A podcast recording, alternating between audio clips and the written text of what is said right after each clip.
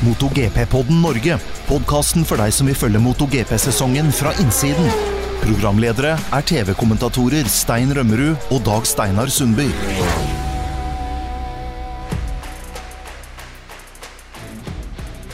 Hei igjen, kjære lyttere. Hjertelig velkommen til 11. episode i MotoGP-podden Norge. Sommerferien går mot slutten, og det betyr at det er MotoGP igjen, endelig. Vi har hatt fem uker uten uh, løp nå, og det har vært sikkert bra for både førere og team og alle som jobber i serien. Men uh, det er endelig raceuke, og det betyr Silverstone, VM-runde nummer tolv.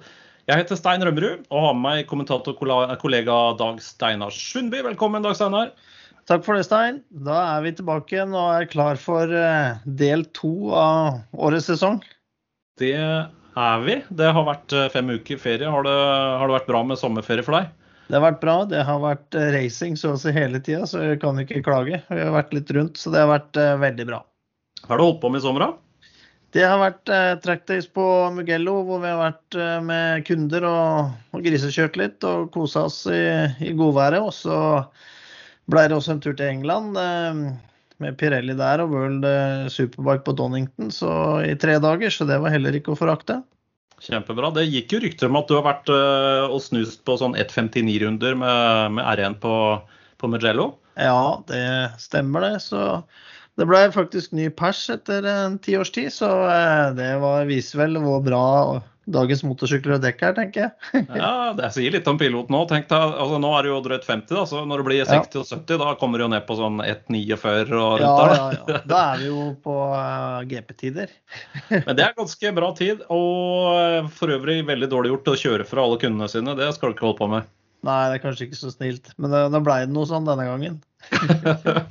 ja, veldig bra. De, de gamle eldst, som heter. Um, Eh, jeg tenkte jeg skulle si bare litt også til lytterne våre om den lyden vi hadde i forrige episode. Episode 10. Der hadde vi skikkelig dårlig lyd. Eller det vil si, jeg hadde dårlig lyd. Og det, eh, vi har gjort en liten eh, post mortem på det. da, Funnet ut at det var jo fullt og helt min feil. fordi jeg har jo stilt inn PC-en feil. Så jeg valgte en mikrofon som er innebygga i PC-en, i stedet for den eksterne mikrofonen som jeg bruker nå, som jeg skulle ha valgt da. Men nå skal det i hvert fall fungere mye bedre. Så vi håper at det at det blir eh, bedre denne gangen. Så takk for at dere holdt ut eh, med det. I dag så skal vi snakke om flere ting. Vi skal oppsummere litt hva som skjedde i Holland, Assen TT. Det skal vi ikke bruke mye tid på, for det er old news nå. Men det er fem uker siden, og det har skjedd masse siden eh, den gangen. Så vi skal snakke litt om silly season, og også litt om bilkjøringa til Pekko Bagnaria på Ibiza i løpet av sommeren, som jo også får litt følger. Men det kanskje aller viktigste i dag det er å snakke om Silverstone, som skal arrangere en VM-runde nå til helga. Vi har eh, masse å se frem til.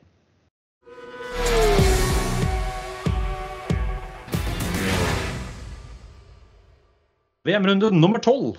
Storbritannia Grand Prix på Silverstone i England skal kjøres til helga. Den går live på V-Sport 3 og Viaplay. Det er eh, Dag Steinar og jeg som skal Eh, kommentere denne helgen. Og mm, dette er faktisk tolvte gang som Silverstone arrangerer en VM-runde i MotoGP siden 2010, da Silverstone kom tilbake igjen på kalenderen. Det hadde jo vært en lang pause før det, 23 år.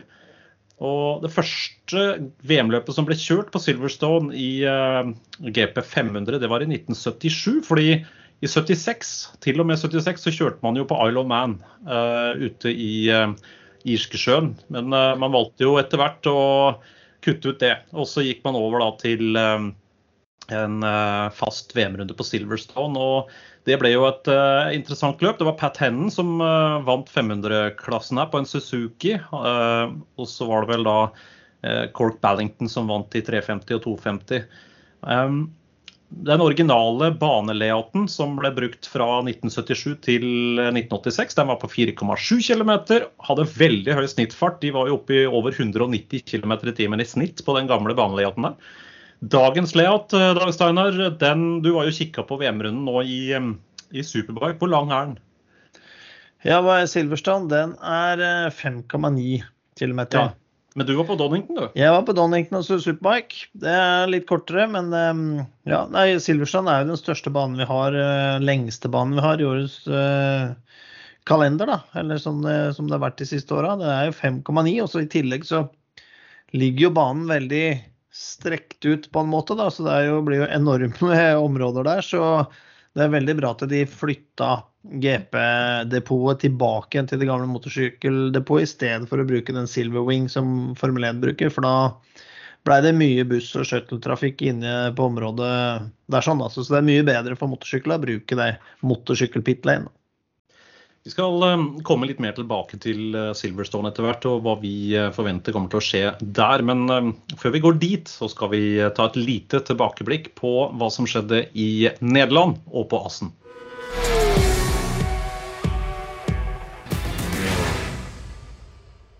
Forrige VM-runde det var Dutch TT som kjøres på banen Assen, som ligger litt nord i uh, Nederland. Og det ble jo en litt uh, interessant helg. Der uh, kommer Fabio Quartararo med en solid ledelse i mesterskapet. Han er på nest beste startposisjon, men det ble en veldig trøblete helg for Fabio Quartararo og Yamaha.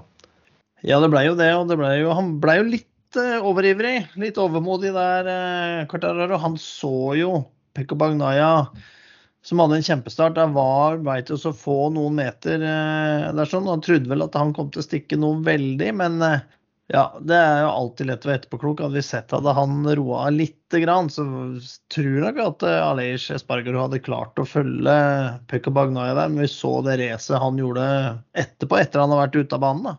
Ja, så Han krasja rett og slett. Uh, fikk et forhjulsslipp på innsiden av, Apeko av Pekko Bagnaya der. og Bagnaya havna ute i grusen, kom seg inn på banen igjen.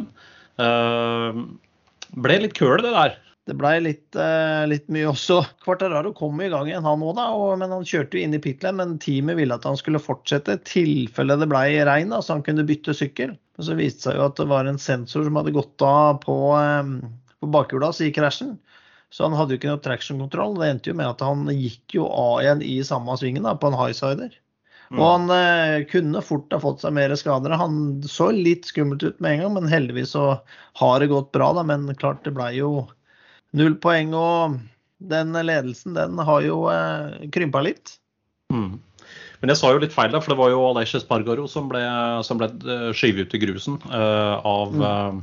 Eh, av Fabio Cortararo. Han hadde jo en vanvittig opphenting, uh, Aleish Espargaro, og kjørte seg opp gjennom hele feltet. og uh, Ganske imponerende det han klarte. Han endte vel på hva ble det til slutt? Fjerde? Ja, og så han tok jo Kjørte forbi to, to mann inn i siste sjikane, og det er jo ikke ofte å gjøre mot GP at du bremser forbi to mann samtidig. Det var imponerende. En av de aller, aller råeste innbremsingene vi har sett i, i år. Ehm, litt overraskende Marco Bezzecchi på en andreplass der. Det er vel det beste resultatet han har eh, levert i, eh, i MotoGP. Han er jo rookie i år. Imponerende. Ja, han, eh, han var jo langt foran teamkollega Luca Marini, da, som har mer erfaring. Ja, det er litt overraskende å se, da, sånn som Marco Bezzecchi, da, som ikke helt var på høyden i fjor i Moto 2. At han eh, leverer så, så bra allerede i, i MotoGP-klassen. En seier også til, eh, til Pekko Bagnaya fra pole, og det gjør jo at han tar litt innpå i, i mesterskapet nå. Eh, men den fjerdeplassen til Aleish Espargaro var veldig viktig for han selvfølgelig. Han har tatt VM-poeng i samtlige løp nå. Og nå er det bare 21 poeng som skiller eh, Quartararo og Aleish Espargaro. Sarko på tredje, han har 114 poeng, så han er litt lenger bak. Øverst altså Quartararo 172. Aleish Espargaro 151, Sarko 114 og Bagnaya 108 som igjen da er tre poeng foran eh, Enea Bastianini. Quartararo han drar jo da inn i sommerferiepause da for fem uker siden med den nullpoengeren. Første løp i år han ikke har tatt VM-poeng. Hadde jo kjempegod flyt før, før, det. Hvordan tror du han klarer å omstille seg nå, nullstille seg, komme tilbake igjen der han egentlig var før rasen? Ja, jeg tror at han nå har han fått eh, ja, vesentlig mye mer erfaring da på de de sesongene som har gått nå. Greit, han må jo ta en long lap penalty også da, i, eh, i racet på Silverstone, så det blir kanskje vanskelig, eller ganske sikkert vanskelig å vinne der. Men det er jo Ja, jeg tror han eh, er blitt bedre til å omstille seg til sånn situasjon er, at han eh, vil gjøre det absolutt beste ut av det. Og så får han jo håpe da for hans del at det er stabile forhold, enten helt bløtt og regn eller helt tørt. For det er jo igjen det er sånn at det skiftende været som og føreforhold som er hans uh, litt svakhet. Og England veit vi, oppe på kuren på Silverstone der kan det fort blåse inn litt dårlig vær. Det var en liten recap på um, hva som skjedde i Assen. Men uh, nå er det som sagt Silverstone og en uh, andre halvdel av 2022-mesterskapet. Det skiller 21 poeng altså mellom Fabio Cortararo og Aleix Spargaro. Det er 172 og 151, og så er det Sarko på 114 og Bagnaya på 106. Og Enea Bastianini 105. Det ser ut som det er de det dreier seg om akkurat nå. Eh, førerne har jo hatt en skikkelig god eh, sommerferiepause nå. og Det blir jo selvfølgelig brukt til å trene, lade batterier, slappe av. Og noen er vel kanskje litt mer avslappa enn andre etter den sommerferien her, mens andre kanskje hadde ønska at det ikke hadde vært noen sommerferie i det hele tatt. Uh, Factory-fører Pekko Bagnaya han var på Ibiza sammen med hele VR46 uh, uh, Academy-gjengen. Det var nok en ganske heftig seanse. Det var nok eh, Jeg tror det var fullt trøkk der også. Altså, det var, var nok noen som kjørte for fullt ja, i, i dobbelt forstand og dobbelt betydning. Det var jo ikke bra. da. Pekka Bagnaya rota jo kraftig til for seg sjøl og fått ordentlig ripe i lakken nå med da kjører rett og slett i fylla, som vi sier. Det, det gjorde han jo. Det var jo Og det, han hadde jo også en, som du sa her nå før vi starta, ganske relativt høy promille også. Ja, fordi hvis man regner om til den norske promillegrensa, så er det jo i Norge er det jo eh, en 0,2 som er grensa. Eh, før var det jo 0,5. Han ble tatt eh, med 1,8 i promille, og det er, det er, høyt. Da er man ganske godt påseila. Ja, det er ingen tvil om det. At han skulle aldri vært bak rattet på, på en bil. Så hadde det ja, vært i Norge, så hadde det nok blitt eh, en del pallesnekring på ildseng på han. Men eh, jeg veit jo ikke. Vi har ikke hørt noe mer om, eh, om den saken, hva følger det får, egentlig. Nei, for det blir jo, en, det blir jo et rettslig etterspill her. Eh, etter det her så har Ducati hatt en World Ducati Weekend, der det bl.a. kjøres et løp med alle Ducatis eh, VM-førere. og der var han jo rask, han var med og han representerte jo Ducati hele veien og hadde masse PR-oppdrag. Men eh, det blir veldig spennende å se hva slags følger dette får fremover. Han er et forbilde for mange unge. Han er eh, en av de absolutt største stjernene i sporten. Så en eller annen reaksjon må jo komme. Ja, og det er litt rart. Det har vært veldig stille fra Ducati sin side òg. De har jo ikke gått ut med noe offisielt i forhold til det, og hvordan de håndterer den saken, da, som, i hvert fall som jeg har sett. Altså, det blir spennende å se hva, hva det rettslige etterspillet blir. Historien den er ganske enkelt at uh, hele gjengen fra VR46-miljøet hadde vært ute på en uh, nattklubb, og de er det flere av i uh, Ibiza. Jeg har vært der eh, selv eh, for mange mange år siden og opplevd noen av de store nattklubbene der. Det er jo enorme størrelser på det. Det kan være 4000-5000-6000 mennesker inne på en vanlig kveld. Og det er klart For en VM-fører og en kjendis som Pekko Bagnaya, som da sikkert var på VIP-området, litt avstengt fra, fra, resten, han eh, kan antageligvis ikke stille seg i en vanlig taxikø, sånn som alle andre ville ha gjort. Men det er ikke noe unnskyldning. Han burde jo selvfølgelig ha ordna seg en annen form for transport i stedet for å sette seg bak rattet på en leiebil. Han kjørte av gårde, endte i i grøfta like ved en rundkjøring.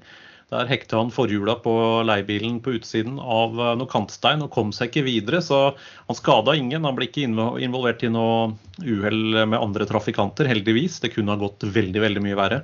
Men i og med at han ikke kom videre, måtte ha berging, så kom også politiet til stedet. Og da tok de en rutinemessig eh, promillekontroll, og den slo altså ut kraftig rødt. Ja, det kan man si. Det, ja, og man skal jo tro at et sånt eh, opplegg og Eh, de føra der de har jo også da råd til å, å booke transport og skyss og sjåfører til å kjøre og hente seg. Så det er dårlig, de... dårlig vurderingsevne det her. Ja, det var det. Så, og jeg vet jo at de jobber mye med nettopp hvordan de oppfører seg på og utenfor banen i VR46-akademiet, med språktrening, medietrening og helt sikkert også do's and don'ts. Dette hører klokkeklart til på don'ts-siden for, eh, for V46-førerne. Så eh, ordentlig klønete burde aldri ha skjedd, og han får helt sikkert en straff. Det store spørsmålet er hvilke følger det får for den, den sportslige satsinga framover. Han har kjørt løp etterpå, han har beholdt lisensen sin, så antageligvis vil han ikke få noen straff som fører til at han ikke får fullført sesongen i år, men en eller annen form for rip i lakken, det, det tror jeg er vanskelig å unngå. Ja. Vi skal eh, også snakke litt nå om eh, hva som har skjedd siden sist. Fordi det har vært litt nyheter på kontrakter og uh, førerfronten siden sist. Nå har 11 av 22 førere, førere, en kontrakt for 2023. Brikkene begynner å falle på plass i puslespillet. Vi kan jo ta en kjapp gjennomgang, Dag Steinar. la oss begynne med det aller nyeste, da. Red Bull KTM. Der er det klart nå. Det er det. Og det var jo, som vi nevnte litt uh, sist, og det er jo uh, Jack Miller da, som erstatter Oliveira. Så da blir det Oliveira og Brad Binder da, som blir uh, De har vel også vært teamkollegaer før, har de ikke det? Ja, unnskyld, du mente Miller og Brad Binder, ikke sant? Ja. Det er De, ja. Mm, Oliveira videre. Ja, de, de, kjenner hverandre godt. Og de har jo kjørt sammen i KTM tidligere, så det er klart det, det blir jo interessant å se. og der er det, Miller har jo en eh, erfaring fra KTM. Han, han har også Aki Ayo som manager. Ikke noe stor overraskelse at han, at han havna der. Vi vet jo fra tidligere at Aprilia sitt fabrikksteam det er klart. Det blir Aleix Bargaro og Maverick Vinales, akkurat som i år. Vi vet også at uh, uh, i dette nye satellitteamet til Aprilia, RNF, som jo går fra Yamaha til april til neste år, så er det en del uklart foreløpig. Det kan bli Raúl Fernandes som kommer dit fra eh, Tech3 eh, KTM. Eh, og mye tyder på at Miguel Oliveira også kan havne der. Men det er ingen av de to som har signert enda.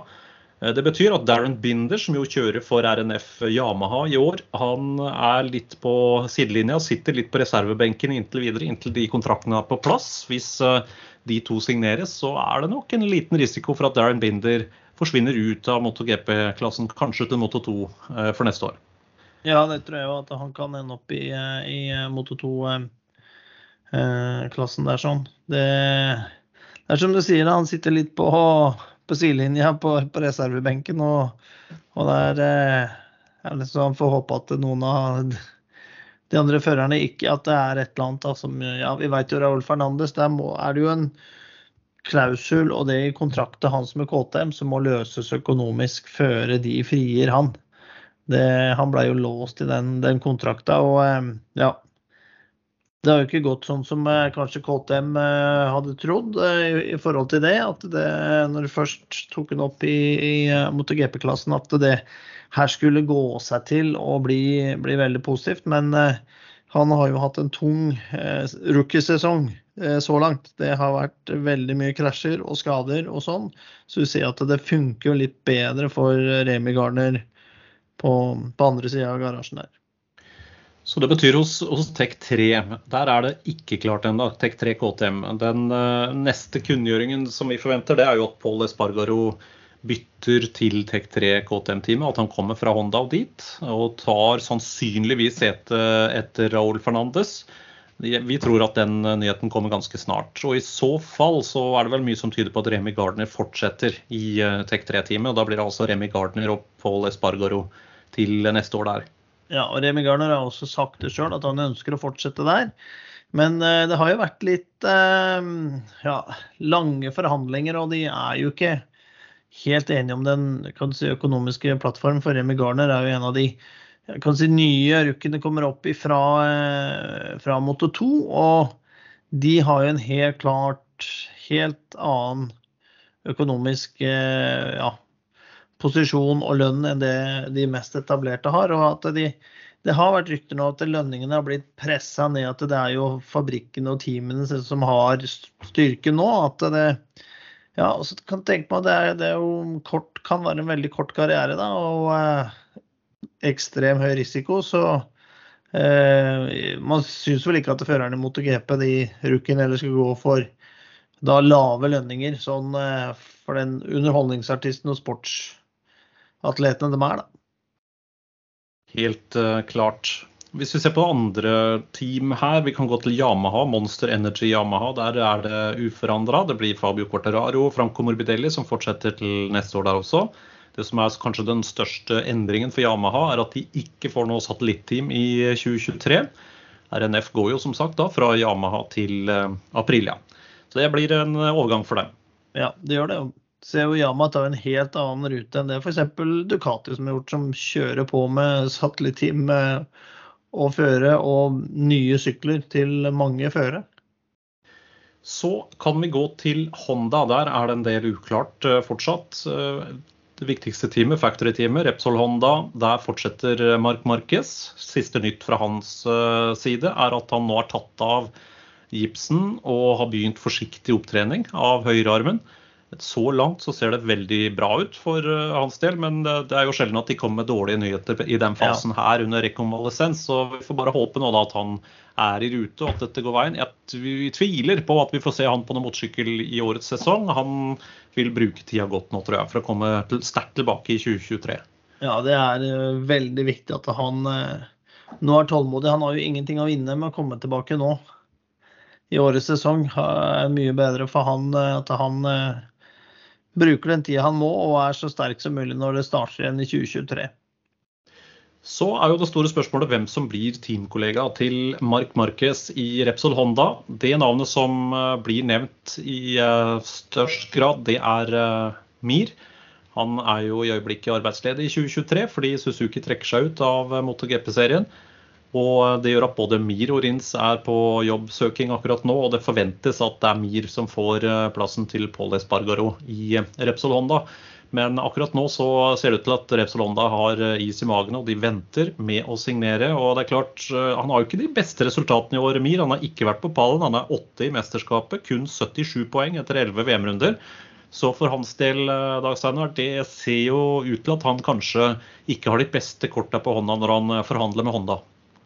Det, er jeg helt enig i, for de drøyer nok også. For de vet jo de har jo ikke noe annet sted å, å gå. For nå har jo du nevnte Alex Rins der. Han har jo da signert med LCR Honda, så han eh, har jobb neste år. Men sånn som Mi, der er det nok pågående forhandlinger og sånn. Og klart, nå er det jo Honda som har, eh, har de sterke korta nå, i og med at Johan Myhre er som du sier, nummer åtte og ikke vunnet noe race i år. Han har bare én seier fra fra den ene sesongen han ble verdensmester også. Så det Ja, markedsverdien hans er jo ikke den, det den var eh, etter at han hadde vunnet VM. Så ja, Honda vil nok tyne dette litt lenger og så se Se hvor de får, eh, ja. hvor de får han til slutt, ja. ja. Men vi, vi, tror at det blir mye der. Men det andre Honda-teamet, LCR Honda hos Lucio Ciccinello, der eh, vet vi jo at Alex Rins er klar. Det var en nyhet som kom ganske nylig. Han også var jo en av de to Suzuki-førerne som har vært på jobbjakt. Litt overraskende, faktisk, men han ja. går jo inn da i eh, LCR Honda-teamet, tar over plassen etter Alex Marquez. Men det store spørsmålet er hvem eh, hans teamkollega blir. Blir det Nakagami som får eh, fornya tillit, eller blir det Ai Ogura fra Moto2 som kjører for Idumitsu Team Honda Asia, og har selvfølgelig da en uh, lett vei inn til MotoGP-teamet der. Hva tror du? Jo, det står jo mellom de to. Det, jeg tror at det, de også kan bare sitte Der kan Honda og Idemitsu de kan bare sitte og vente. For eh, det er eh, enten så er det Nakagami, eller så er det Ogura. Så eh, jeg vet ikke om de bytter plass, kanskje. Mm. Nå har jo Nakagami vært i GP i fem år, han har ikke vært på pallen ennå. Og det er som du sier, kanskje de bytter plass, eller at Nakagami kan gå over i en testrolle. Så, men det kommer nok også litt an på hvordan Ogura gjør det i Moto 2 de to-tre neste løpa. Mm. For Nakagami har vært veldig anonym i år. En sjuendeplass som beste resultat fra uh, Spania. Ja. Og uh, Ayogura han har vunnet løp i Moto 2. Så, ja. Men så, så vet vi igjen da at MotoGP-sykkelen til Honda er jo veldig vanskelig å kjøre. Etter det de sier, vi har sett Paul Espargaro også slite og Alex Marquez og Nakagami nå. Da virker som at det har blitt nesten vanskeligere. At det har vært litt dårlig styring eller noen toppfører som kan lede litt utviklingen av hvilken retning man går med sykkelen. Så ja, så skal det bli spennende å se når vi får f.eks. at vi vet at Rin skal på Honda, men også da Mi, da, de som kommer fra en smooth Suzuki, da over på eh, en Honda som ikke har vært så veldig ålreit å ha med å gjøre, og er, må kjøres ganske brutalt. Ja, Veldig overraskende da hvis begge de to Suzuki-gutta havner på, på, Honda. Det hadde vi nok ikke tippa på forhånd. Og ja, som du sier, krevende sykkel å kjøre, en helt annen kjørestil. Eh, rekkefirerne som Suzuki har, de kjørestilen der har jo vært eh, kurvehastighet i veldig stor grad. Mens eh, Hondaen er litt mer riv og røsk og eh, litt mer la, la oss kalle det V-stil i, Ja. i, i svingteknikk. Men det, det er i hvert fall det vi vet så langt om, om Honda. Vi kan gå til Ducati. Der er det jo åtte seter som skal fylles. Og, og eh, Der kan vi jo starte med fabrikkteamet. Pekko Bagnaya er klar. Men han får enten Jorge Martin eller Enea Bastianini som teamkollega. Det er eh, sånn det var for eh, fem uker siden, før sommeren. Og det kommer jo veldig an på da hva de to leverer nå i eh, de kommende løpene. Vi snakka så vidt om det i en tidligere podkast, og vi trodde da at eh, Jorge Martin antageligvis er eh, det sikreste valget der. Men Bastianini er på sjette akkurat nå. Martin er på ellevte i mesterskapet. Og Bastianini han har vunnet løp, tre stykker i år. Martin har ikke vunnet et eneste løp eh, i årets mesterskap, men vi vet at han har vært sentral i eh, utviklingsarbeidet for Ducati. Han har jobba veldig mye med GP22-raceren for å få den til å fungere så bra som den gjør nå. Så han har kanskje ikke hatt forutsetningene for å være med å fighte om seire heller. Han har i stedet gjort en veldig viktig jobb i eh, Pramac Ducati for Factory-teamet. Mm, er du fortsatt der at du tror Martin er den som står lengst fram i køen, Dag Steinar? Ja, jeg tror det på en eh, måte, men de har jo sagt at det er jo det er et kappløp for de to førerne, Bastianini og eh, Martin. En eh, til fabrikkteamet, den andre skal til Pramac. Og ja, da får se om Bastianini klarer også å stabilisere seg litt igjen. Nå har det vært litt mye krasjer på han. Så han har jo liksom vært fra å vinne til å ligge i, i sandfella. Så og så får vi se da, nå som Jorge Martin da også er jo på, som da er på en 2022-sykkel, om den nå, som vi ser da på Pekko Bagnaya og Miller, så, eh, så har jo de sykla tatt 22 nå tatt igjen 21-modellen og vel, så det har kanskje gått litt forbi. Så da skal vi se da hvordan Bastianini klarer å, å kjempe mot det da, framover og, og være stabil. Han må være stabil og raskere enn en Jorge Martin. Ja, for etter seieren på Le Mans så har det jo vært masse stang ut for eh, Bastianini. Da vant han jo fra femte startposisjon. Kjempeløp. Vi husker hvordan han eh, planla løpet og sparte dekk helt mot slutten og var eh, skikkelig, skikkelig god. Men så ble det nullpoenger på Mugello, det ble nullpoenger i Catalonia, tiendeplass i Tyskland og ellevte på Asen. Så det har vært skikkelig Ja. nedtur etter det. Fire dårlige løp på rad. Ja, det, ja du, du har helt rett. Så han må jo snu det nå, eh, nå etter sommeren. Han må, Bastianini må det. Så, for jeg tror de ser ja, Som det har vært, så kanskje man har sett et større potensial i Jorge Martin. Og så blei det en stor overraskelse med Bastianini hvilke kvaliteter han egentlig har som fører når han kommer på en MotoGP-sykkel. Så for å oppsummere litt, det er altså enten Martin eller Bastianini som får den siste Factory-plassen. Og den som ikke får Factory-plassen, han skal til Pramac Ducati. Det er klart. Ja. Og, og der vil eh, vedkommende, enten det blir eh, Jorge Martin eller Enea Bastianini, bli teamkollega med Sarko, som vi tror er eh, sikker. Men det har ikke vært noe kunngjøring der heller om kontrakt for 2023 for hans del. Nei, men Vi har vel ikke hørt noe annet heller, så det er at han skal fortsette der. Så ja, enten fortsetter han Jorge Martin sammen, eller så får han Bastianini som ny teamkollega, da. Johan Sarko. Ja, Sarko har en bra sesong. Han har vært på pallen fire ganger og er tre i mesterskap med 114 poeng. Så han virker veldig sterk nå og gjør en kjempejobb for Ducati. Hvis vi flytter oss videre nedover på den lange Ducati-lista, så kan vi jo gå til Gresini. Der er det jo litt nyheter. Eh, Fabio Di Gian Antonio fortsetter. Eh, Vi nevnte jo Enea Bastianini. Han skal jo opp, da, enten til Pramac eller Factory-teamet. Det betyr da at de trenger en ny mann, og den nye mannen det blir ingen ringere enn Alex Marquez. Det var ganske overraskende. Vi snakka vel om det så vidt i forrige podkast også, men den så ikke jeg komme, Dag Nei, ikke jeg heller. Ikke i det hele tatt. Jeg trodde det var eh, Marquez-brødrene, var Honda Forever. Det, det trodde jeg. Så det blir interessant å se, da, for nå har han jo fighta med den Hondaen nå. Hatt mye turer i Sandfella. Alex Marquez også.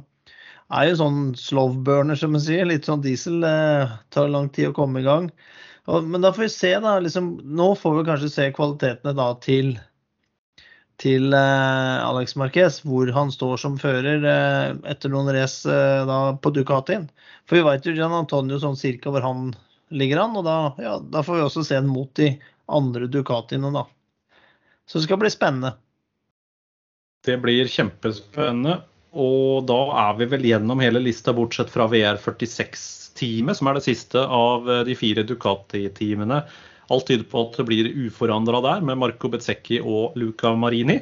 Marco Bezzecchi han er jo i ferd med å bli rookie of the year. Han gjør jo en kjempejobb akkurat nå. Andreplass eh, på Assen. og jeg må si jeg er imponert. Han har vært inne på topp ti ved flere anledninger. Femteplass på Mugello, niendeplass Spania og nå altså andreplass eh, på Assen. Det er, eh, det er, en imponerende debut. Ja, han er nummer 14 i sammendraget, da, så 55 poeng. Og da, mange av de ble jo tatt da på, på Assen. Han er foran teamkollega Marini. Ja. Så det er, eh, det er sterkt. Veldig eh, gøy å se. Så det er vel det vi vet om kontraktene så langt. 11 av 22 er altså sikre. Og så har jo vi synsa uhemme om de siste 11, og jeg tror vi har mye rett der også. Det kommer til å komme en del nyheter fremover eh, rundt det. Det var det vi hadde å si om 2023-kontraktene. Eh, Nå skal vi snakke litt mer om neste VM-runde på Silverstone.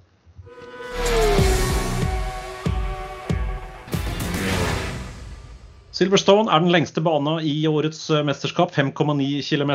En historisk racingbane som ligger i England, ikke så fryktelig langt fra London. Og det er en bane som er lagt på et uh, gammelt uh, flyfelt. Det var faktisk en, uh, fly, en flyplass under andre verdenskrig for uh, bl.a. Engelske bombefly som skulle ta turen over kanalen. Og det er mange av disse gamle flyfeltene som ble gjort om til motorsportanlegg etter krigen, og Silverstone er et av de. Hvis vi ser på historien her, så er det en Eh, en interessant eh, statistikk i MotoGP-klassen. Yamaha er den produsenten som har flest seire. Åtte seire her. Fem av dem i MotoGP. Tre med Lorenzo, det var i 10, 12 og 13. Én med Rossi og én med Fabio Quartararo. Quartararo vant jo i fjor, som dere husker. Ellers så har det vært Suzuki-seier også. Alex Rins vant her i 2019. Eh, Ehm, og i 2016 så var det Vinjale som vant for Suzuki. Det var faktisk den første MotoGP-seieren til Suzuki siden Le Mans på regn i 2007 med Chris Fermulen. Eh, så det er en sterk bane for Suzuki. Hvis vi går tilbake til 500-tida, så vant jo Franco Uncini her i 500-klassen for eh, Suzuki. Så en bane med gode resultater for den japanske produsenten. Honda de har eh, hatt fem seire i klassen. Eh, på Silverstone. Det er da Mark Marquez som vant i 2014. Casey Stoner vant i 2011. Eh, Mark Marquez eh, som sagt 2014, ja. Paul Espargaro var topp Honda-fører på femteplass i, i fjor. Hvis vi ser Ducati, da, så har de hatt én eneste seier her. Det var 2017 med Dovi. Og Ellers så har det ikke vært en veldig bra bane for, for Ducati. Og KTMs beste resultat her, det var Brad Binders sjetteplass i fjor. Så ellers så har vel uh, Aprilia vært på pallen her. Det var Alessi Spargaro tredjeplass i, i 2021-løpet. Rask bane, Dag Seinar, og flytbane. Som du også sa, ganske utstrakt over et stort geografisk område. Og den lengste i hele serien. Den brukes også til Formel 1 og veldig mange andre racingklasser. En populær bane blant førerne. Hva, hva syns du? Jo, jeg, jeg syns den er veldig fin. Skulle gjerne ha kjørt deg sjøl, så må se om jeg får til det en eller annen gang. Den er jo som ser veldig flytbane, og så ser vi også på historikken av Jorgel eh, Lorenzo har vunnet der tre ganger, og det er jo en bane som passer hans uh, stil som uh, ja, man kommer etter Maggots og Beckets Chapel Curve der, sånn, så er det jo uh, ja, fra side til side i høy hastighet. De må fighte med sykla der sånn, og det er jo en det er en bane som virkelig krever sitt. Det er, eh, det er mye forskjellige si, layouter og svingkombinasjoner og sånne ting. Så også, også lang, lang bane. 5,9 km. Og, eh, og da er jo nydelig avslutning på banen. Så vi så, har sett noen seire der, bl.a. til Rins når han slo, eh, slo Marquez der sånn. Men den Du kom jo ut og over målstreken nesten med fullt nedlegg der sånn. Så Nei, det er, eh, det blir veldig bra å komme tilbake og så få MotoGP-racer. Det er en bane hvor de syklene kan strekke ut ordentlig på også. MotoGP-sykler. Mye plass og, ja. og mange høyhastighetspartier. Ja. Hva, hva, kan vi forvente oss uh, i løpet der? Uh, Pekko Bagnaya han er jo på hugget nå. Han vant forrige VM-runde på Assen. Han har veldig lite å tape nå. Han vil bare gå all in og prøve å lukke luka til Fabio Quartararo. Uh, Quartararo leder mesterskapet nå, 21 poeng foran Aleix Espargaro. Og han har et lite handikap på Silverstone denne ja. helgen, Fabio. Han må ta long lap penalty. Han fikk det som straff i og med at han han gikk over ende og dro med seg Aleix Espargaro Spargaro da ut. Uh, så han dro av banen, som var kanskje litt streng straff, kanskje, da. For han, uh, ja, han gikk jo over ende på innsida og mente at han var for ivrig, da. Så det er litt sånn race direction i uh, MotoGP har fått mye tyn de uh, ferieukene her. på at de ikke, ja, førerne mener at de ikke er konsekvente, konsekvente at det er litt sånn merkelige avgjørelser. Men eh, ja, så Cortararo han eh, har en ekstra utfordring. Han må ta den long lap penaltyen i, i løpet av racet. Ellers så tror jeg kanskje at det er eh, Aprilia-førerne blir eh, værende med i toppen der. Vi vet jo Vinales kjører når han er happy. Han virker veldig happy nå. Aprilian fungerer bra, og på den banen sånn, hvor han tok sin første seier, så Og nå kommer han fra pallen da, på eh, basen. Første pallen på Aprilian. Så, og vi så også Alers også kjørte jo da vanvittig fort. Så eh, ja, kanskje Aprilian også er, eh, er der for For Yama har jo bare Quartararo nå. Det er jo ingen andre som kan uh, klinke til der nå. Jeg tror ikke, jeg tror ikke Morbidelli våkner så mye. Nei, og Som du sa, Vinales på på Aprilian virker veldig sterk når han var på pallen i, eh, i Nederland. Men han, eh, den VM-en før der, som var uh, i Tyskland, der lå han jo også veldig veldig godt an. Uh, ja. Men måtte jo bryte pga. en ride height device som, som uh, rett og slett hang seg opp i nedre stilling. Den, den røyk. Ja. Men, men, han var ikke sur etterpå, Vinales, rett og slett fordi han følte at nå hadde de funnet et setup og han hadde klart å tilpasse kjørestilen sin på en sånn måte at, at det fungerte veldig veldig veldig bra da, på Aprilland. Ja, og det, de har fått inn noe veldig veldig bra der. Det skal jo sies også da at eh, Vinales har jo kun kjørt inline eh, firermotor. Han har ikke kjørt eh, V4 før i MotoGP-karrieren. Suzuki da rekkefirer, og, og Yama rekkefirer. Og, eh, og måtte legge om stilen en del nå for å kjøre den V4-en til april. Det skal bli eh, interessant uansett. da, og det er eh, som sagt Fabio Cortararo må gjennom en long lap penalty. Det er da nede i sving 14 eh, på, på Silverstone. Hvor mye taper han på det, tror du? Hvis han da sier at han ligger på en, ja, er på topp fem-plassering etter et par-tre runder, bestemmer seg for å gå inn og ta den, løpet er fortsatt ganske samla. Hvor mange plasser vil han tape på en, en normal longlap? Nei, hvis det ligger tett, så er det jo fort at du kan ta på en femplasser. Det er jo det, da. Det I hvert fall hvis det er tett sånn, da. Og eh, ja. Det er jo ingen fordel. Det er jo ikke det. Og eh, vi veit jo Yaman og det fungerer best hvis det ligger først, ikke i så mye um, Da i slipstream og turbulens bak de andre syklene. vi vet jo at det funker ikke noe særlig for Yaman med trykkluft eller trykkøkning i fordekket. Eh, sånne ting som gjør at de ikke får kjørt som de, de ønsker. Da. Det er litt sånne ting som, som kan fort skje med Yaman, som er, virker som å vare på den, kanskje noen av de andre syklene. Ja, og ikke minst at den krever en kjørestil som medfører høyere kurvehastighet enn veldig mange andre. Hvis de f.eks. blir liggende bak Ducati, da, ja. som bremser kanskje enda mer ned midtsvings enn det ja. en Yama gjør, så bryter man jo den Yama-rytmen på en måte. så det blir spennende å se. Um, banen har jo lengste rettstrekke på 770 meter. Høyeste toppspeed som har blitt registrert, det var Jack Miller i fjor på 339,6 km i timen. Og det er fortsatt Mark Marquez som har eh, all time lap record fra 2019. Den er på 1.58,16. Det tilsvarer en gjennomsnittsfart på nesten 180 km i timen. Så dette er faktisk en av de ja, tre-fire raskeste banene i kalenderen. Vi har uh, Mugello, vi har uh, Red Bull Ring og Philip Island som bane med veldig høy snittfart. Og Silverstone er helt der oppe blant, blant de. Hvis du skal prøve deg på en liten gjetting nå, Dag Steinar. Hvem mm. ser vi først over målstreken? Kan gjerne ta topp tre også på, på, søndag, hvis du skal kaste deg inn i et lite veddemål nå. Ja, det Ja, skal vi se. Nei, jeg tror det Aleix Espargaro 1, og så Pekka Bagnaya 2 og Vinales 3. Mm. Ja, jeg får prøve meg også, da. Jeg tror Pekko Bagnaya fortsetter der han slapp. Ja. Han blir uh, sterk. Så uh, tipper jeg også at uh, Aleix Espargaro kommer til å være høyt der oppe. Han har vært på pallen her med Aprilian før og vet hva som må til. Uh, Vinales får trøbbel, men så spørs det da hvor mye Fabio Corteraro taper på den long lap-penaltyen. Ja. Hvis han tar den tidlig nok og kommer inn i rytmen igjen og, og, er offensiv, men sikker, skal vi tippe tredjeplass på han da, for min del. Så mm. Ja, får vi se. Oppsummering, det kommer senere. Vi skal ha uh, Det er jo engelske tider nå til helga. Nå, nå må jeg bare innrømme at her burde jeg gjort litt bedre research. Vi, uh, vi setter i gang en time tidligere enn normalt på lørdag. Det, Det er bra. Jeg skal ta og åpne appen her, for der har jeg jo disse tidene. Um, vi har uh, På lørdag så starter vi med Dette er norsk tid.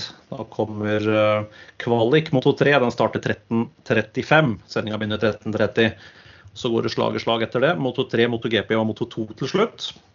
Og så er det løpende på søndag. Warm-up Moto GP den går live på TV den 10.40 norsk tid så er det Moto 3 start 12.20, Moto GP 14.00 og Moto 2 15.30 norsk tid. Det er sendetidene på søndag. Og da mm. er Dag Steinar og jeg klar, vi, i eh, vi. studio. Ja. Går live på Viaplay og V-sport 3 som vanlig. Ellers så er vi jo i full gang nå med å eh, forberede oss på en liten Italia-tur også. Vi skal ned og se på MotoGP og kommentere MotoGP på Misano. Det gleder vi oss til. Det gjør vi. Det blir veldig bra å være tilbake der. Se fram til det. Får håpe at vi får alt til å klaffe med flybilletter og leiebiler. Og det er mange brikker som skal på plass da, for å, det, for å få det der til å klaffe.